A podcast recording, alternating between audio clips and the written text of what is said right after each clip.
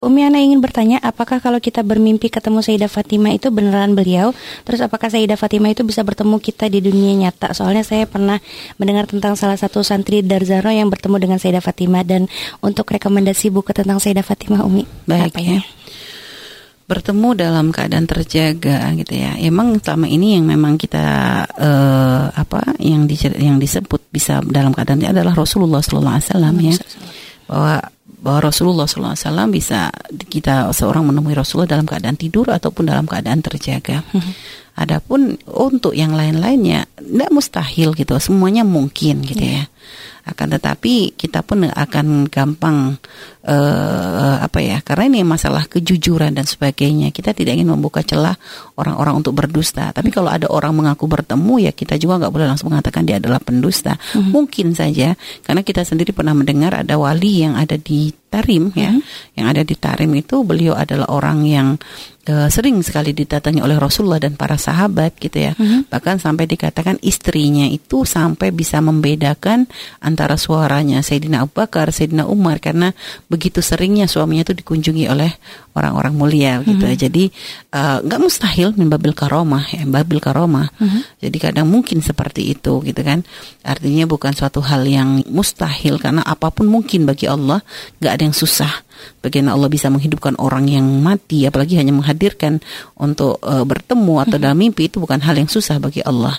Hanya uh, kita kalau kita berharap ya boleh saja gitu kan. Tapi yang paling penting gini jangan hanya berharap untuk bertemu mm-hmm. tapi kita belum memperbaiki akhlak kita. Yeah. yang paling penting adalah kalau memang ternyata ada pertemuan apakah melalui mimpi itu alhamdulillah itu rezeki minallah nikmat dari Allah Subhanahu wa taala. Tapi jangan sampai itu menjadi obsesi. Oh saya harus bertemu. Kenapa pengen bertemu? Untuk pengakuan supaya nanti kita bisa cerita ke orang. Oh enggak enggak bisa begitu. Bahkan ketika kita bermimpi Nabi Muhammad pun bukan untuk bangga-banggaan. Mm-hmm. itu ibarat adalah hadiah dari Allah ya. Hadiah dari Allah tapi tapi juga lihat kadang bertemu dengan Nabi pun kalau ternyata orang tidak mampu bisa saja malah menjadikan orang itu nanti masuk kepada bab yang lain yaitu sombong dan sebagainya. Mm-hmm.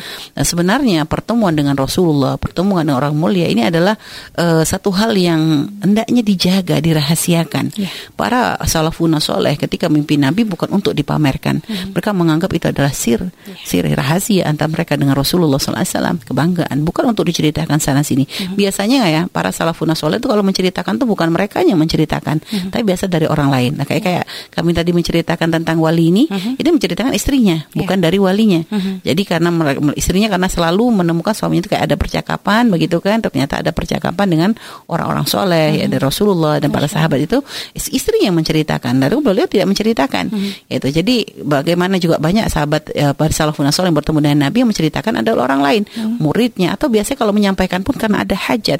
Sebagaimana waktu itu Imam Syafi'i ya ketika beliau bermimpi Rasulullah SAW di situ dalam mimpinya Rasulullah menyampaikan salam kepada Imam Ahmad bin Hambal ya sehingga akhirnya uh, Imam Syafi'i memberitahu kepada muridnya agar menyampaikan salam tersebut kepada Imam Ahmad bin Hambal diceritakan ada hajat karena memang ada wasiat yang ada pesan yang disampaikan gitu lah jadi bukan tiba-tiba Imam Syafi'i keluar-keluar bahwa aku tadi malam mimpi. Enggak.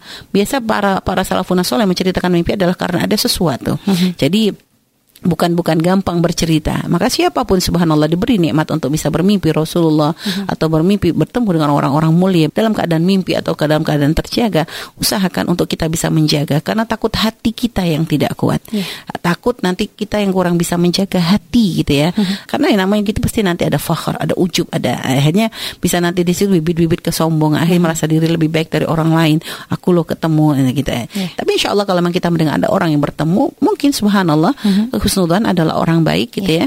ya. Suatu kerinduan untuk bisa bertemu sangat bagus ya. Hmm. Tapi yang paling pentingnya yang sekarang kita terapkan adalah menerapkan dalam kehidupan kita sehari-hari yeah. agar kita bisa menjadi ahli ibadah seperti Sayyidah Fatimah, agar kita bisa menjadi orang wanita yang punya malu seperti Sayyidah Fatimah, yeah. agar kita menjadi wanita yang bisa menjaga syariat seperti Sayyidah Fatimah yang yang sabar, yang hmm. yang baik kepada orang tua. Ini kebaikan-kebaikan beliau itu hadirkan itu yang paling penting. Yeah. Kalau ada mimpi itu bonus. Yeah. Pertemuan itu bonus. Hmm. Tapi yang paling penting sekarang terapkan akhlak beliau. Insya Allah kalau memang kita nggak bisa ketemu di dunia, semoga bisa ketemu di akhirat. Amin. Gitu. Amin. Allah. Ya Dan masalah buku ya. Oh ya Jadi, bukunya. Ha? Buku tentang Sayyidah Fatimah terus terang ya. Umi sendiri nggak pernah mm, nggak pernah. Umi belum tahu kalau buku yang ada di dengan cetakan Indonesia itu. Hmm Umi belum banyak tahu karena terus terang kalau Umi selama ini membaca kisah-kisah tentang uh, orang-orang terdekat, terdekat Nabi dari mulai istri dan anak itu kita nggak nggak ngambil dari yang ini gitu ya. Kita banyak ngambilnya dari buku-buku yang belum ada terjemahnya. Uh -huh ada karangan uh, buku karangan Fatimah Ummu Abiha uh-huh. itu adalah karangan Muhammad bin Abdurrahman As-Saqqaf ya. Ada lagi ada Innaha Fatimah Zahra. Itu adalah karangan Syekh Abdul Abdul Yamani ya. Uh-huh. Muhammad Abdul Yamani. Uh, itu itu karangan-karangan yang rekomend tentang Sayyidah Fatimah gitu ya. Uh-huh. ada beberapa kita juga melihat di mana kita browsing gitu ya di internet juga nggak semua linknya bisa diambil. Yeah. Uh, uh, jadi ada memang beberapa link-link tertentu yang memang aman. Uh-huh. Uh, banyaknya nggak aman.